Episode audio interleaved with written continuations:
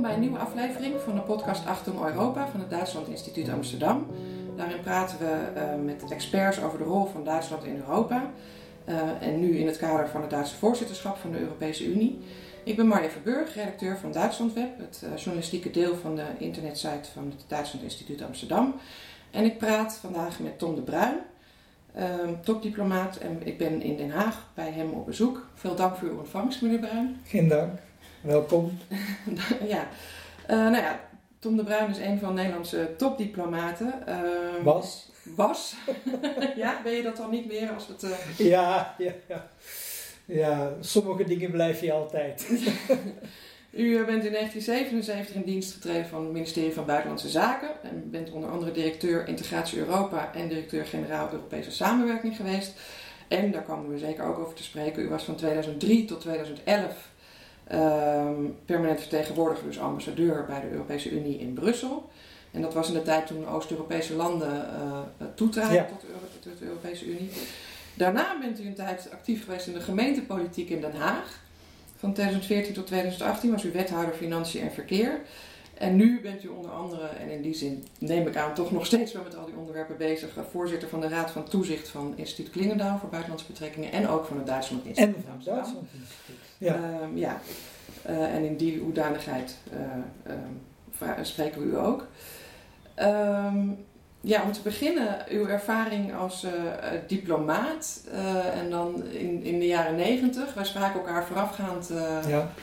aan deze podcastopname Um, wat ik overal tegenkwam in de profielen van u is dat u betrokken was bij de onderhandelingen van het verdrag van Amsterdam in 1997, maar ook van Maastricht in 1992. En toen corrigeerde u mij direct, want dat klopt niet. Nee, dat klopt niet. Het is een hardnekkig misverstand dat ik betrokken zou zijn geweest bij het verdrag van Maastricht. Uh, ik ben betrokken geweest bij heel veel uh, verdragen. Uh, de eenheidsakte, het verdrag van Amsterdam, verdrag van Nice, het verdrag van Lissabon, maar niet het verdrag van Maastricht. En waar komt dat, daar had ik een misverstand vandaan? Of nou, ik denk dat uh, dat komt doordat ik bij zoveel van die verdragen uh, betrokken was, dat men automatisch denkt dat dat ook bij Maastricht het geval was. En in zekere zin uh, zou je kunnen zeggen dat het mijn geluk was dat ik niet bij dat verdrag betrokken was, omdat binnen de diplomatieke dienst en ook wel binnen de Haagse overheid. Um, ja, het debakel van uh, wat in de wandelgangen genoemd wordt Zwarte Maandag. Uh, dat heeft opgeleverd dat um, ja, toch enkele ambtenaren vervroegd moesten vertrekken. En dat um, ik, ik zat toen in Genève, vanuit Genève geroepen werd terug naar Den Haag om naar het ministerie te komen. Een zwarte maandag voor degenen die dat niet weten. Ja. Um, Nederland uh, nam het voorzitterschap uh, in die tijd over van Luxemburg. Dat was in 1991. Dat was in 1991 en Luxemburg had al een verdrag voorbereid. Maar Nederland wilde veel verder gaan en heeft toen uh, dat Luxemburgse concept eigenlijk in de prullenbak gegooid en een eigen nieuw verdrag op tafel gelegd. En de allereerste bijeenkomst in Brussel, um, waar dat besproken werd, daar was geen enkele steun voor behalve van België. dus, heel Europa. Uh, dus dat heel Europa was tegen. Dus dat was een groot diplomatiek uh, debakel. En omdat dat op een maandag plaatsvond, is dat in de historie gaan heten Zwarte Maandag. En natuurlijk, zoals altijd bij grote debakels, was het daarna Bijltjesdag. Ja. en ja, zijn er dus allerlei dingen veranderd. En ik had dus het geluk ja, dat ik daar niet bij betrokken was. En dus daar ook mijn vingerafdrukken niet op had staan. Dus omdat er diplomaten weg moesten door dat eh, debakel, bent u... Uh... Ja, nou die, die zijn niet onmiddellijk vertrokken, maar uiteindelijk is er toen toch wel een, um, ja, een reshuffle uh, geweest. En wat ook nog ehm, wel speelde in die tijd was dat met name van de kant van de vakdepartementen uh, dit diplomatieke debakel ook verweten werd aan het ministerie van Buitenlandse Zaken. Dus ook de coördinerende rol van buitenlandse zaken op het gebied van Europees beleid, die kwam onder druk te staan. Ja, en dat wilden we natuurlijk niet Nee. verliezen. Dus toen was het alle zeilen bijzetten om de boel te redden. Dus dat, heeft, dat was het begin van uw van Dat- de diplomatieke carrière, of de, de, de, de, stijging daarin? Wat- Nou ja, ehm, daarvoor was ik dus ook al betrokken bij, bij de EU. Dus eh, Genève was voor mij een soort uitstapje. Eh, en daarna inderdaad, ehm, eh, nadat ik terugkwam, ben ik eigenlijk alleen maar met Europese zaken bezig geweest. Voor die tijd deed, heb ik ook nog wel VN ehm, eh, aangelegenheden gedaan, maar eh, vanaf toen ik terugkwam uit Genève was het alleen maar Europese Unie. En, en, want u was dus ook bij het verdrag van Amsterdam, nou nog veel meer verdragen betrokken. En u heeft daar natuurlijk Duitsland zien opereren. Hoe keek u toen naar, naar Duitsland en de Duitse rol in Europa, dus in die jaren? Nou, eigenlijk ehm, het merkwaardige was dat eh, Duitsland in zijn algemeenheid werd door mensen toch nog altijd wel bezien als hè, het land wat herrees eh, na de Tweede Wereldoorlog. Binnen het diplomatieke werk ehm, was zeg maar de emancipatie van Duitsland al lang gaande. Duitsland werd echt gezien eh, als een hele belangrijke partner en speelde in die tijd ook eh, een uitermate belangrijke rol in het hele integratieproces. En eigenlijk vertaalde zich dat eh, aan het eind van het liedje altijd in Duitsland betaald. Ja, Ehm, hè, want het ging altijd eh, over moeilijke onderhandelingen, bijvoorbeeld hè, de interne markt. Nou, die interne markt, daar zouden ehm, sterke economieën natuurlijk snel van profiteren, zwakke economieën minder. En die moesten dan natuurlijk ook vaak afgekocht worden. En eh, met name Helmut Kohl was altijd bereid om de portemonnee te trekken en, eh, en het noodzakelijke geld op tafel te leggen om een compromis te kunnen bereiken. ja Kohl, de kanselier die tot 1998 eh eh leidde en dus ook een belangrijke figuur was. Ja, hij was echt eh, een absolute leidende figuur eh, binnen de Europese toppen, die toen overigens iets minder vaak plaatsvonden dan nu, maar daarom niet minder belangrijk waren. En eh, Helmut Kohl was daar altijd eh, ja, de leider van, eh, van, de, van de premiers en van de presidenten en speelde daar een uitermate belangrijke en stimulerende rol. Ja, u in de jaren, nou, wanneer was het? Zei ik net, 2003 werd u eh, ehm, eh, permanent vertegenwoordiger in Brussel. En eh, toen heeft u Merkel ook voor het eerst meegemaakt als kanselier? Ja, toen ik ehm, kwam eh, was een, een, ja, toch wel een beetje een omwenteling binnen de Europese Unie, omdat in 2004 tien nieuwe lidstaten erbij kwamen. Oost-Europese landen. Oost-Europese landen met name, ja, er was natuurlijk ook Cyprus nog bij, maar het waren toch vooral Oost-Europese landen. En in 2005 ehm, won Merkel de verkiezingen, werd bondskanselier en kwam dus ook eh, voor het eerst eh, naar een eh, Europese raad in, in Brussel. Ja, En dat was voor mij wel een bijzondere ervaring, want ehm, zo'n Europese top vindt plaats in een grote zaal, maar rond die grote zaal, eh, daar zijn allerlei zitjes, kun je koffie drinken als er pauze is. En tijdens een van die pauzes ehm, eh, hoorde ik plotseling achter mij Russisch spreken. En ik keek om en dat was Angela Merkel die in gesprek was met een aantal eh, premiers eh, van Oost-Europese landen. ah, En dat was voor mij toch wel een beetje een, een shock. Ehm, Russisch gesproken ehm, binnen de muren van de Europese Raad. Eh, toen werd ik eigenlijk pas eh, volledig bewust van het feit dat de Europese Unie aan het veranderen was. Voor die tijd, voor, zeker voor de val van de muur natuurlijk, was de Europese Unie, toen nog de Europese gemeenschap, natuurlijk vooral een West-Europese ja. eh, aangelegenheid. Eh, een vrij homogene eh, club. Natuurlijk, daar kwam op een gegeven moment Spanje en, en Griekenland en Portugal bij. Maar het was toch een vrij homogene club. En vanaf 2004 was dat volkomen veranderd. En ehm, omdat je zelf in dat proces zit, sta je daar niet altijd bij stil.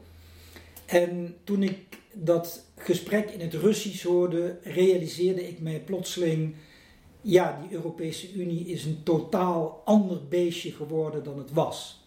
Hoe, hoe, hoe keken mensen, niet alleen u, maar gewoon überhaupt de, de, pers of andere landen, hoe werd er toen naar Merkel gekeken? Ja, dat was wel interessant, omdat ehm, het was natuurlijk ja, in zekere zin heel bijzonder dat een uh, vrouw uh, aan de top stond van ja, toch een heel belangrijk en machtig land. Dus dat was sowieso al, um, ja, als het ware nieuw en spannend. Uh, ook nog het feit dat zij niet uh, uit West-Duitsland kwam, maar uit Oost-Duitsland. Dat was toch wel heel bijzonder.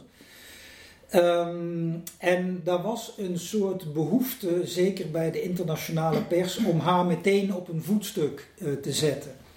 En oh. wat interessant was, was dat na afloop van die top uh, er ook gedaan werd alsof Merkel uh, tijdens die top een hele belangrijke bemiddelende rol had gespeeld. Maar dat was niet zo? Nou, dat was, eh, ik bedoel, zij was daar natuurlijk voor de eerste keer en dan ja, ben je niet meteen uh, de, de, de hoofdrolspeler, want dan moet je toch eerst eens even kijken hoe, hoe verloopt nou zo'n top, hoe zijn de verhoudingen. En zij was daar zeker een hele positieve kracht, maar dat zij daar nou een hoofdrol vervulde, uh, dat was zeker niet waar. Maar er was een soort behoefte en um, ja, die werd graag opgepikt door de internationale pers. En degene maar wat is dat dan voor behoefte? Om, om, om... Ja, om toch een, iets nieuws te creëren en te laten zien van... Uh, Europa gaat nu een nieuwe fase in en uh, in die nieuwe fase speelt een vrouw uit, uit Oost-Duitsland de hoofdrol. Um, maar nog even over die uitbreiding van de EU en, en de gevolgen daarvan. Wat, wat, uh, hoe, keek, hoe dacht u daarover destijds in 2004? Nou, ik um, was uh, persoonlijk altijd wel uh, aan de sceptische kant over die enorme snelheid waarmee die uitbreiding tot stand werd gebracht. Aanvankelijk was dat ook helemaal niet de bedoeling. de bedoeling dat, was dat geleidelijk aan de landen die het best waren voorbereid, uh, als het ware druppelsgewijs binnen de Europese Unie zouden binnenkomen. Maar dat was voor die landen op een gegeven moment um, ja, uh, niet aanvaardbaar. En vandaar dat men toen overging op een model wat later is gaan heten de Big Bang. Ja. Met tien lidstaten in één keer. Um, ik denk zelf nog steeds dat dat uh, historisch onvermijdelijk was. Je, kon dat niet tegenhouden. Die geschiedenis had zo'n grote druk dat het onmogelijk was om die toetreding van die tien lidstaten uh, zeg maar meer in de tijd uh, te spreiden. Zeker ook al omdat ze, de val van de muur was inmiddels toch ook al behoorlijk lang geleden. En ze hadden het gevoel dat ze toch al te lang in de wachtkamer hadden gezeten. Uh, op het moment dat die uitbreiding plaatsvond, en ik kan me dat nog heel goed herinneren, was er wel een grote euforie. Hè? Een beetje naar analogie ook van de val van de muur, hè? één groot feest. Um, en in het begin ging het ook uh, best wel goed met uh, die nieuwe lidstaten, zowel als inbedding binnen de Europese Unie als ook individueel met die landen, economische groei um, ontwikkeling van de democratie. Maar nu zien we uh, dat um, ja, er toch ook heel veel um, problemen zijn met uh, die toetreding. En zie je in toenemende mate toch een, ja, als het ware weer een, een breuk lopen door Europa van Oost uh, en West. En wat zijn die problemen dan die, die, die toen zijn ontstaan en waar we nu nog. Uh, ja, nou ja, dat is heel moeilijk uh, te analyseren. Hoe komt het nou hè, dat uh, aanvankelijk ook het vooruitzicht van de toetreding tot de Europese Unie die landen bracht tot een ontwikkeling naar een steeds liberaler systeem en naar de ontwikkeling van de rechtsstaat en van de democratie, dat daar nu toch een terugslag is gekomen. Hoe komt dat? dat? Dat is een hele moeilijke um, analyse, um, maar um, en daar zijn ook wel uh, historici en analisten die daar proberen een verklaring voor te vinden. Maar zo dicht bovenop de geschiedenis is dat altijd moeilijk. Eén van de uh, verklaringen wordt wel gegeven door een, een bekende analist, Ivan Krasnev. Ja.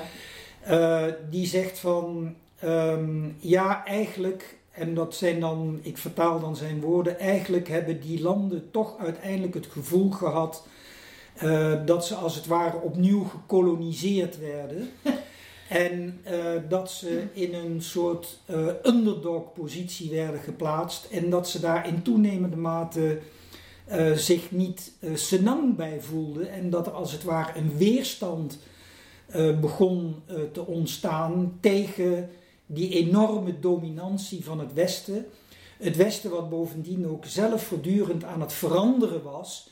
En dat zij uh, voortdurend ook die veranderingen moesten meemaken. Zij hadden het gevoel dat in de wedstrijd de doelpalen voortdurend uh, verzet werden en dat zij continu weer nieuwe kunstjes moesten uitvoeren om erbij te mogen horen. Maar wat u net zegt over kolonisatie, dat is natuurlijk exact wat je nu in Duitsland ziet, dus Oost- en West-Duitsland, dat veel Oost-Duitsers het gevoel hebben dat ja, West-Duitsland zijn gekoloniseerd. En precies eigenlijk datzelfde mechanisme, weerzin. Uh... Ja, exact. Dat zie je op eenzelfde manier als het ware tussen de Oost-Europese landen en de rest van de Europese Unie. Ja.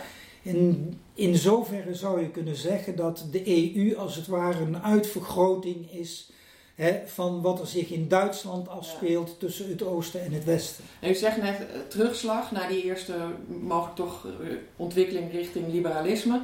Uh, dan heeft u het over nationalisme of wat zijn dan de, de Nou ja, dan, je, je, je, je ziet hè, dat, dat er in toenemende mate een, um, ja, een terugkeer is naar toch nationale discours, naar nationale verhalen. Dat zie je met name zeer sterk in, in Hongarije. Ja. Misschien zelfs nog veel sterker dan in Polen.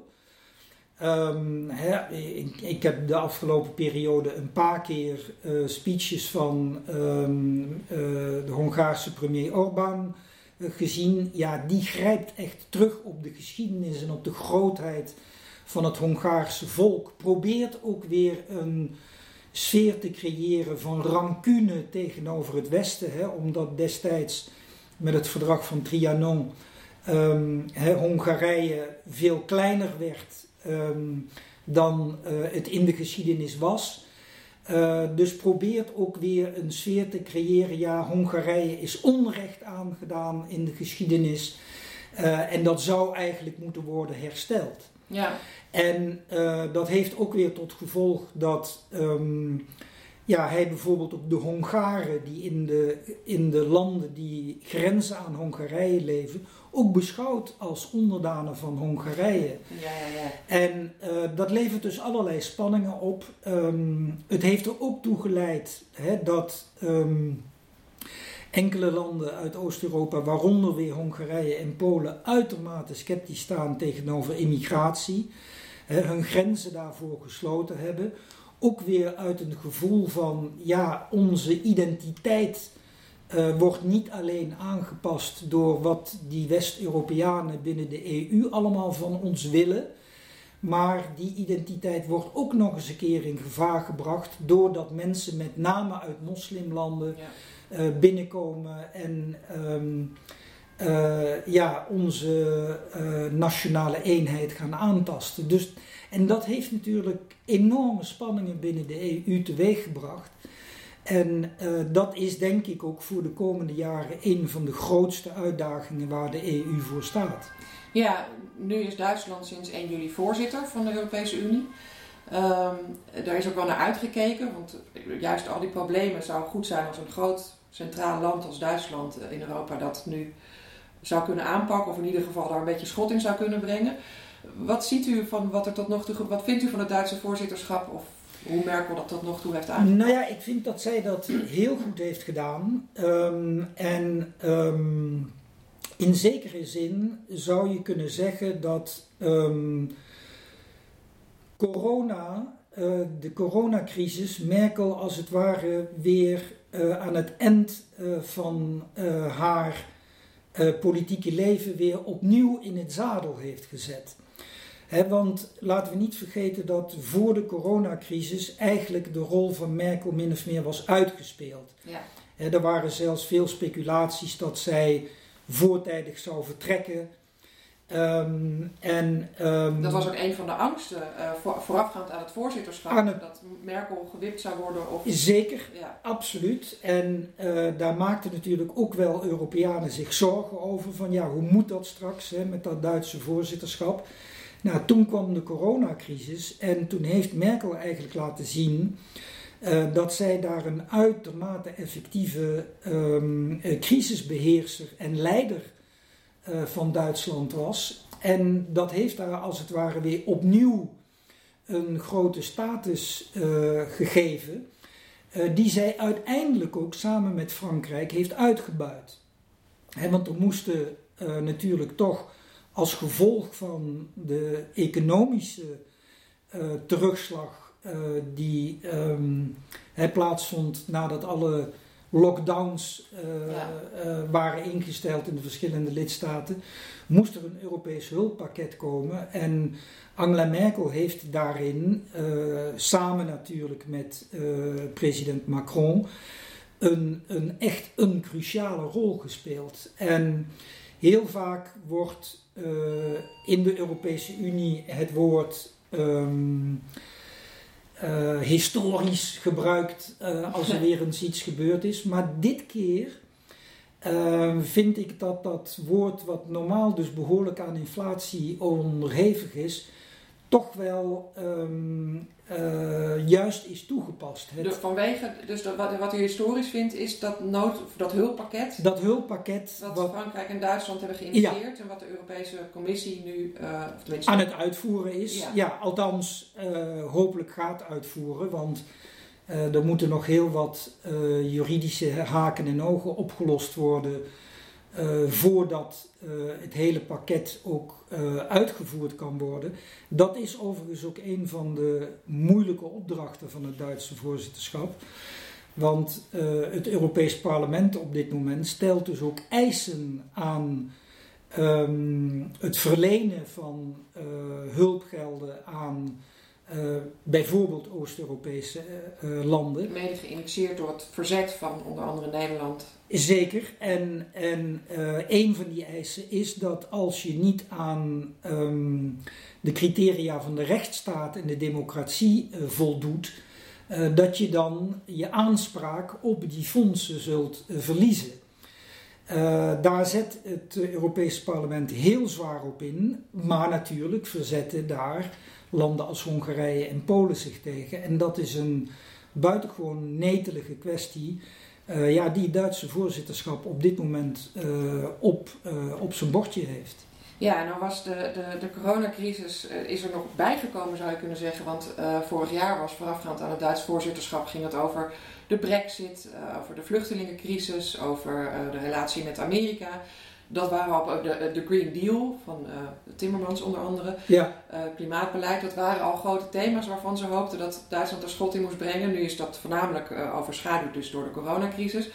Maar bijvoorbeeld dat migratiebeleid, wat natuurlijk al jarenlang een hakend probleem is, daar probeert Duitsland nu ook als voorzitterschap wat aan te doen. Er is een soort pact gesloten? Wat, hoe, hoe kijkt u daarnaar? Nou ja, de, de Europese Commissie is uh, met uh, een, een heel pakket nieuwe uh, voorstellen gekomen. Um, ik, ik heb daar in zoverre een beetje mijn twijfels bij dat dat allemaal hele goede bedoelingen zijn. Daar zitten op zich ook, zeg maar, in theorie hele goede maatregelen in. Maar het migratievraagstuk heeft de afgelopen nou, 20, 25 jaar laten zien dat de praktijk enorm uh, weerbarstig is. Dus of dat nieuwe pakket van uh, de Europese Commissie ook daadwerkelijk zal leiden tot een betere beheersing van het uh, migratievraagstuk, daar heb ik nog wel mijn vraagtekens bij. ik geef één voorbeeld. Ehm, dat is het vraagstuk van de, de terugkeer van uitgeprocedeerde asielzoekers. daar doet de commissie ook nieuwe voorstellen voor. Maar het is keer op keer gebleken dat uh, de landen van herkomst gewoon niet mee willen werken met de Europese Unie om die uitgeprocedeerde asielzoekers terug te nemen.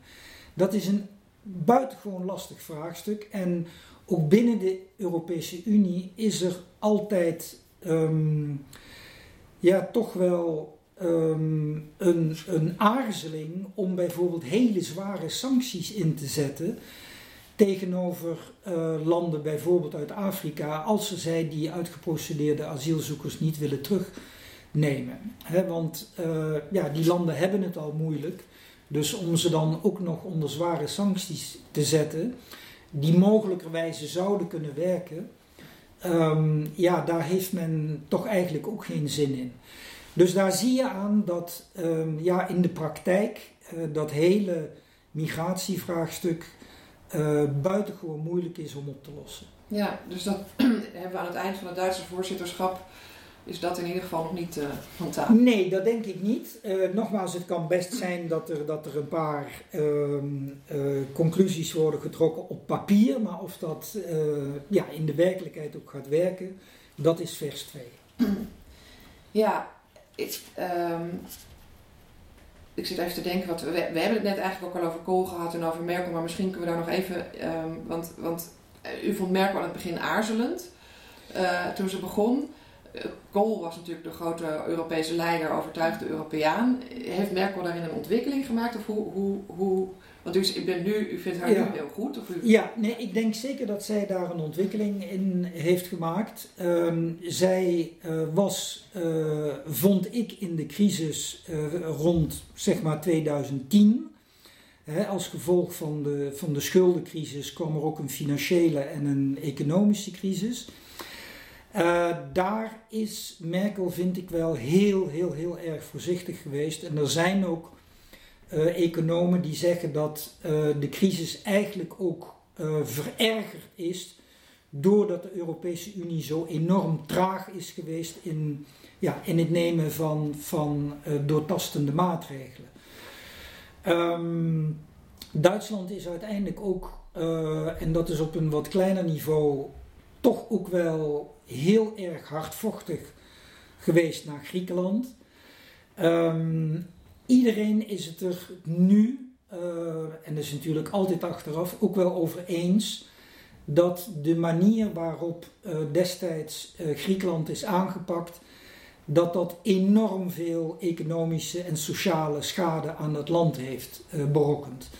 En zelfs het IMF vindt nu dat we dat op een andere manier hadden moeten doen. Het Internationaal Monetair Fonds, ja. Het Internationaal Monetaire Fonds, ja. En ook overigens de Europese Rekenkamer heeft uh, een uh, aantal maanden geleden een rapport uitgebracht. Waarin je uh, toch heel duidelijk een, een forse kritiek kunt lezen op de manier waarop de Europese Unie en dus ook onder leiding van Duitsland die crisis is aangepakt. Um, dat is ook wel weer begrijpelijk, omdat uh, Merkel natuurlijk hè, intern ook haar eigen uh, ja, bevolking moest meekrijgen in uh, de overdracht van enorme grote sommen met geld. Waarbij kan ik me nog herinneren dat in Duitsland ook volledig verkeerd viel dat ze dan in Griekenland, maar bijvoorbeeld ook in Cyprus, de straat op gingen met uh, uh, ja. Hitler snorren op Merkel getekend. Zeker, en dat was. In vergelijking, daar zijn Duitsers nog steeds. Ja, ja, nee, zeker. En, maar juist hè, die, um, die posters in Griekenland, die kwamen er omdat Duitsland ja. ja, toch in de ogen van de Grieken zo hardvochtig was. En vergeet niet dat ook in Griekenland um, de Tweede Wereldoorlog nooit vergeten is. He, uh, misschien zelfs wel minder. He, de, als het ware de Wiedergutmachung is met uh, bijvoorbeeld landen als Nederland, uh, denk ik, in een veel verder stadium dan die in Griekenland was. mensen vergeten dat hier in het Westen vaak, maar Uh, Griekenland heeft ook enorm geleden onder de, onder de Duitse bezetting. Uh, Merkel was in die tijd dus um, een, een aarzelende leider en ja. kwam eigenlijk uh, pas in actie als het water echt aan de lippen stond. Dat was in ieder geval de analyse ook van een aantal buitenstaanders en die hadden daar misschien niet altijd helemaal ongelijk in. Uh, nu zie je eigenlijk een totaal andere uh, Merkel. Um, hè, ik zei al dat um, noodfonds, wat nu is ingesteld als gevolg van de coronacrisis, ja, is uh, zonder weerga. En Merkel heeft daar de volledige verantwoordelijkheid voor genomen, is ook bereid geweest om daar intern in Duitsland de neuzen dezelfde kant op te krijgen. Dat is haar ook gelukt. Um, en um, ja, hoe dat komt uh, dat zij nu wel die enorme doortastende positie heeft ingenomen. Uh, dat is een interessante vraag. Dat kan er misschien mee te maken hebben dat ja, zij nu aan het einde van haar politieke loopbaan is en denkt van ik wil toch mijn plaats in de geschiedenisboekjes als een groot Europeaan uh, verwerven. Zij heeft zelf in 2018 gezegd: Ik stel me niet meer kandidaat bij de volgende Bondsdagverkiezingen. Bij de volgende... We weten dat ze. Dat ze we weten dat zij, dat zij gaat vertrekken, dus dat zou kunnen. Um, dat ze wat meer armslag heeft. Nu. Dat ze meer armslag heeft, ja. En uh, hè, ze hoeft niet herkozen te worden. Uh, wat misschien fundamenteler is, is dat ik ook denk dat uh, deze crisis plaatsvindt uh, op een moment dat duidelijk is dat er in de wereld enorme grote geopolitieke veranderingen um, gebeuren. Dat heeft zowel te maken met um, de verkiezing vier jaar geleden van Trump tot president van de Verenigde Staten en een Verenigde Staten, traditioneel natuurlijk een uitermate belangrijke bondgenoot van Duitsland, dat nu uh, zich als het ware terugtrekt uit het Westen en daar bovendien nog uitermate kritisch op Duitsland is. Ja. als er één land is wat het op dit moment moet ontgelden bij Trump, dan is het wel uh, de Bondsrepubliek uh, en in het bijzonder mevrouw Merkel. Aan de andere kant van de wereld hebben we ja, de, de onweerstuitbare uh, opmars uh, van China, die steeds duidelijker wordt. Dus dat zijn echt twee tektonische veranderingen die nu, die natuurlijk tien jaar geleden ook al aan de gang waren, maar die nu heel zichtbaar worden. En ik denk dat uh, Merkel zich zeer bewust is van het enorme belang dat Europa um, ja, uh, toch als het ware als eenheid um, uh, gaat opereren in deze wereld. Want anders worden we tussen deze twee olifanten als het ware uh, vermalen. Maar want dat zegt ze al langer, dat heeft ze een paar jaar geleden ook gezegd. Europa moet op zichzelf staan, wij ja. Duitsland moeten daar een belangrijke rol in spelen wat je nu eigenlijk ziet, tenminste, ik vond dat verrassend. Uh, dan hebben we het over Rusland, uh, die vergiftiging van Navalny. Navalny. Daar heeft Duitsland op, opeens toch een behoorlijk stevige positie in ingenomen. En dat was Zeker. eerder minder, toch? Of hoe? Zeker, ja. Uh, ik vind ook op dat punt dat je um, kunt zien dat er een veel assertievere houding, als het ware, is van Duitsland ten opzichte van Rusland. Kijk bijvoorbeeld naar de crisis destijds uh, met de Krim. Natuurlijk, Duitsland. Dat was in 2014. In 2014. Rusland, ja, toen Rusland de Krim bezette. En... Bezette. Uh, daarin heeft natuurlijk uh, Duitsland samen met Frankrijk ook een belangrijke rol gespeeld om de spanningen weer wat terug te brengen tussen Rusland en het Westen. Maar dat waren toch ook um, wel altijd heel voorzichtige stapjes en altijd met in het achterhoofd we moeten vooral de Russen niet te veel uh, voor het hoofd stoten. Er zijn toch wel uh, sancties ingevoerd? Er zijn weliswaar sancties ingevoerd. Dat kon natuurlijk ook niet anders, want uh, ja, de, de, de, de inname van de Krim was natuurlijk een, een, een grove schending, hè, ook van de akkoorden van Helsinki. Dus natuurlijk wilde de Europese Unie een beetje geloofwaardig blijven. Dan moesten er wel sancties ingesteld worden. Maar ondanks die sancties was er toch altijd ook nog wel een onderliggende stroom van voorzichtigheid richting, richting Rusland. Nu vind ik dat, ehm, dat die voorzichtigheid uh, toch langzamerhand aan plaats aan het maken is voor een, voor een wat agressiever, voor een assertiever Duitsland. En ja, je ziet dat heel duidelijk inderdaad met die vergiftiging van Navalny. Ja, de Russische oppositieleider die eind augustus in een, onwel werd tijdens een vlucht van Siberië naar Moskou. Moskou, ja. in het ziekenhuis in Omsk is opgenomen en toen door een Duitse NGO is opgehaald, maar natuurlijk met medeweten van, medeweten van en met instemming van Merkel. Zeker in het Duitse Charité ziekenhuis in Berlijn uh, terecht is gekomen en nu wonderbaarlijk toch herstellende blijft Wonderbaar, zeker.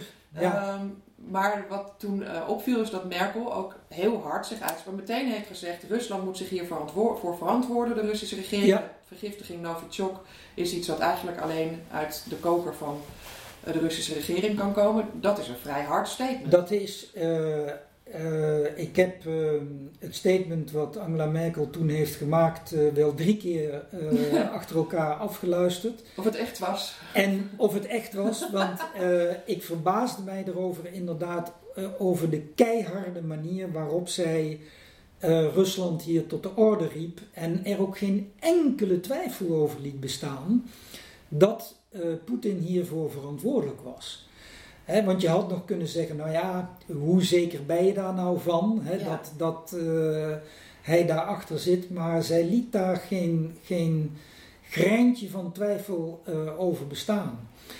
En um, ook uh, uh, naderhand, um, ik beluisterde recent een interview van de Financial Times met um, de voorzitter van het buitenlandcomité van, van de Bondsdag, uh, Norbert Rutgen.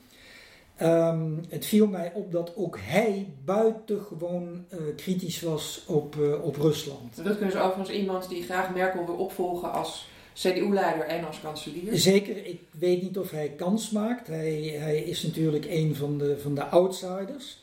Maar ik vind hem persoonlijk wel een, een formidabele figuur. Uh, buitengewoon intelligent, um, uh, uh, doortastend, duidelijk, hè, geen wollig taalgebruik. Um, dus ja, hij zou een hele interessante opvolger van Merkel kunnen zijn. De verkiezingen afwachten. Eerste verkiezingen. En of überhaupt de CDU, maar goed, dat zullen we Ja, ja nou dat zou natuurlijk ook nog kunnen. Dat, uh... Nou ja, als, dat is een van de, als Merkel, uh, of als de CDU zonder Merkel niet meer zoveel stemmen haalt, dan zouden andere partijen ook zonder CDU een coalitie kunnen gaan vormen. Ja, en dan zouden we zomaar opnieuw een vrouw kunnen krijgen als uh, bondskanselier. Een groene vrouw. Annelena Be Baerbock. Ja. Ja. ja, dat zou zomaar kunnen.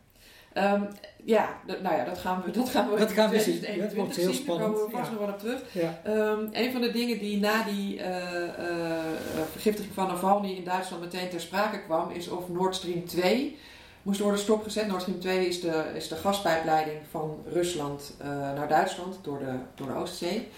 dat is sowieso een heel erg omstreden project, omdat Oost-Europese landen daarmee buitenspel worden gezet. Dus dat is al langer. En bovendien. En met name Oekraïne. Met ja. name Oekraïne. En bovendien ja. heeft Amerika grote bezwaren tegen die uh, pijpleiding. Dus eigenlijk lag het. Dus, hij is zo goed als klaar. Er moet nog een klein stukje worden, uh, pijpleiding ja. worden gelegd. Maar dat ligt al sinds januari stil, omdat Amerika dreigt met sancties tegen bedrijven die daaraan meewerken. Um, nou ja, nu, nu is de vraag: moeten we vanwege uh, die vergiftiging überhaupt de positie van, van Rusland nu in de wereld dat Nord Stream 2 stopzetten. En dat is een. een de, dat, nou ja, dat, dat het überhaupt ter sprake was natuurlijk op, opvallend, ja, maar gaan ze dat doen? Is zeker. Dat nou ja, kijk, in, in um, vlak na die um, uh, krachtige uitspraken van mevrouw Merkel leek het erop alsof inderdaad Nord Stream 2 zou worden stopgezet. Um, althans, helemaal niet door zou gaan. Want ik geloof dat, dat op dit moment er geen pijpleidingen worden gelegd. Nee.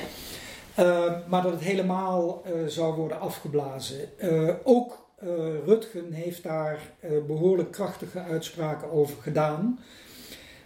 toch zie je nu dat, dat dat besluit nog steeds niet genomen is. Dus ik, Ehm, ja, de jury is still out. Ik ben heel benieuwd of men in Berlijn nu toch um, hier gaat doorpakken of dat men uiteindelijk toch terugdeinst om uh, Poetin hier uh, al te zeer uh, mee voor het hoofd te stoten. Wat, wat, mij opviel, dat had ik me eigenlijk niet zo gerealiseerd, is dat dat contract voor Nord Stream 2 is getekend in 2015.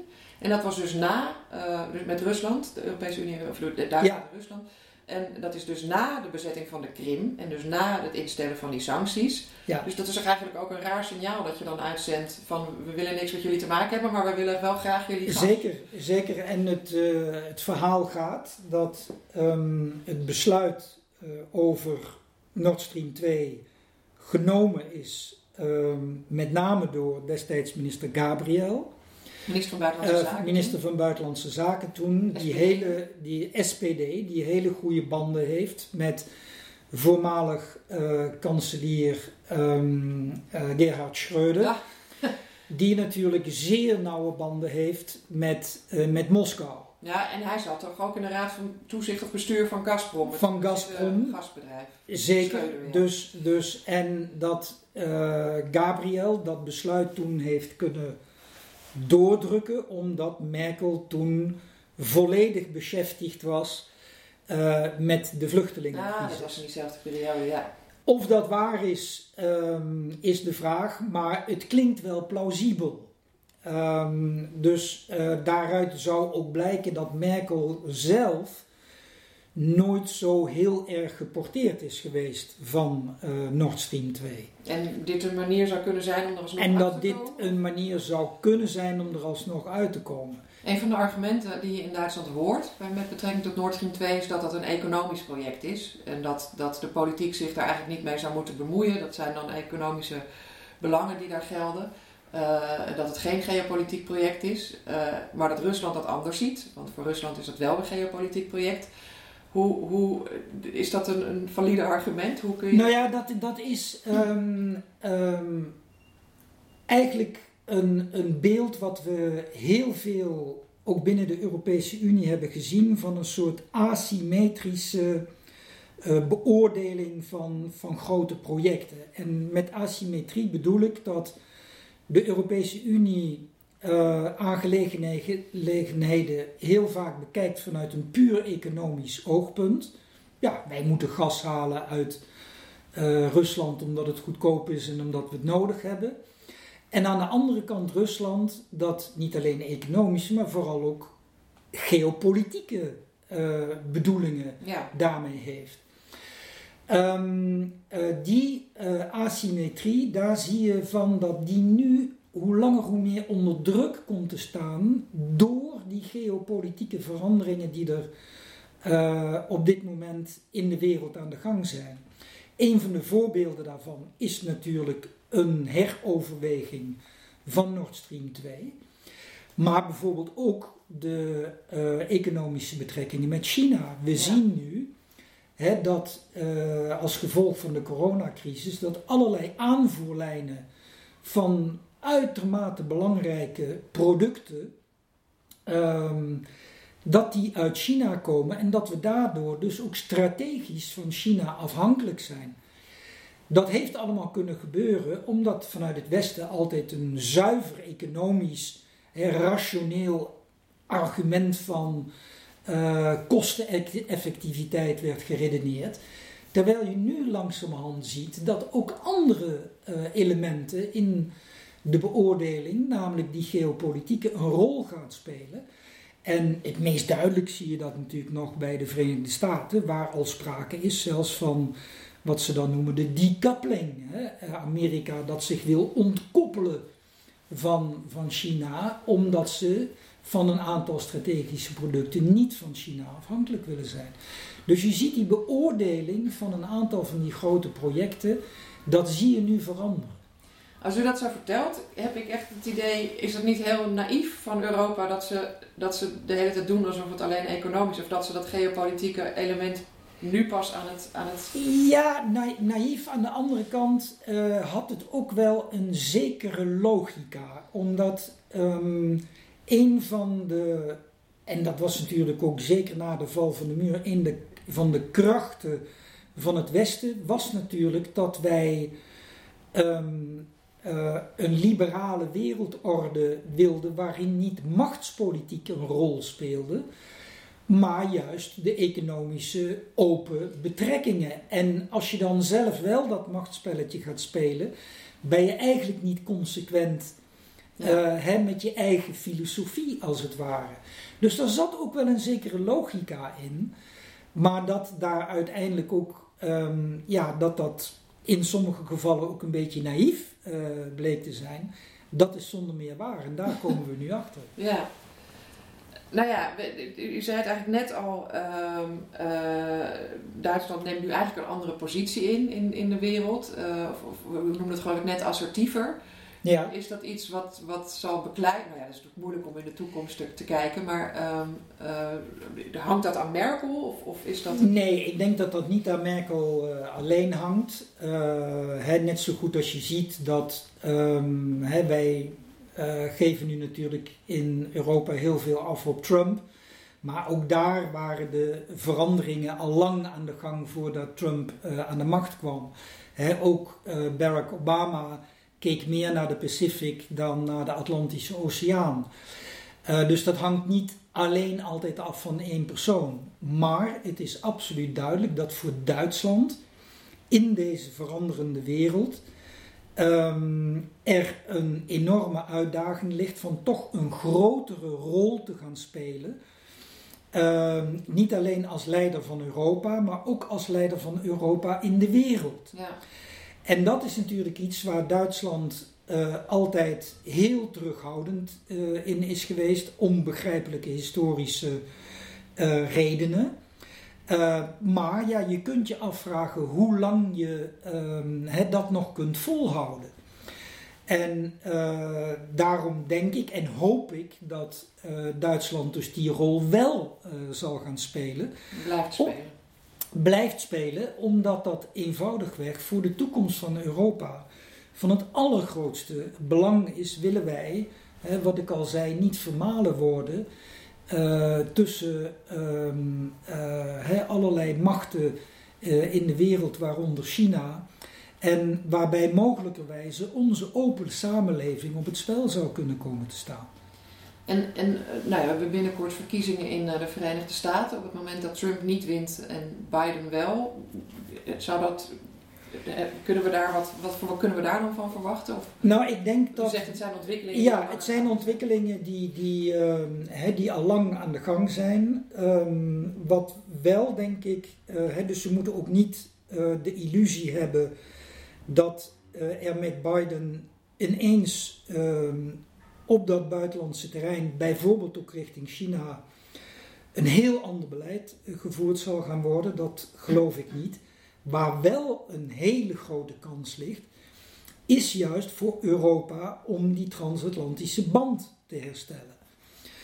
Uh, dat, um, uh, daar liggen absoluut grote mogelijkheden als Biden zou winnen.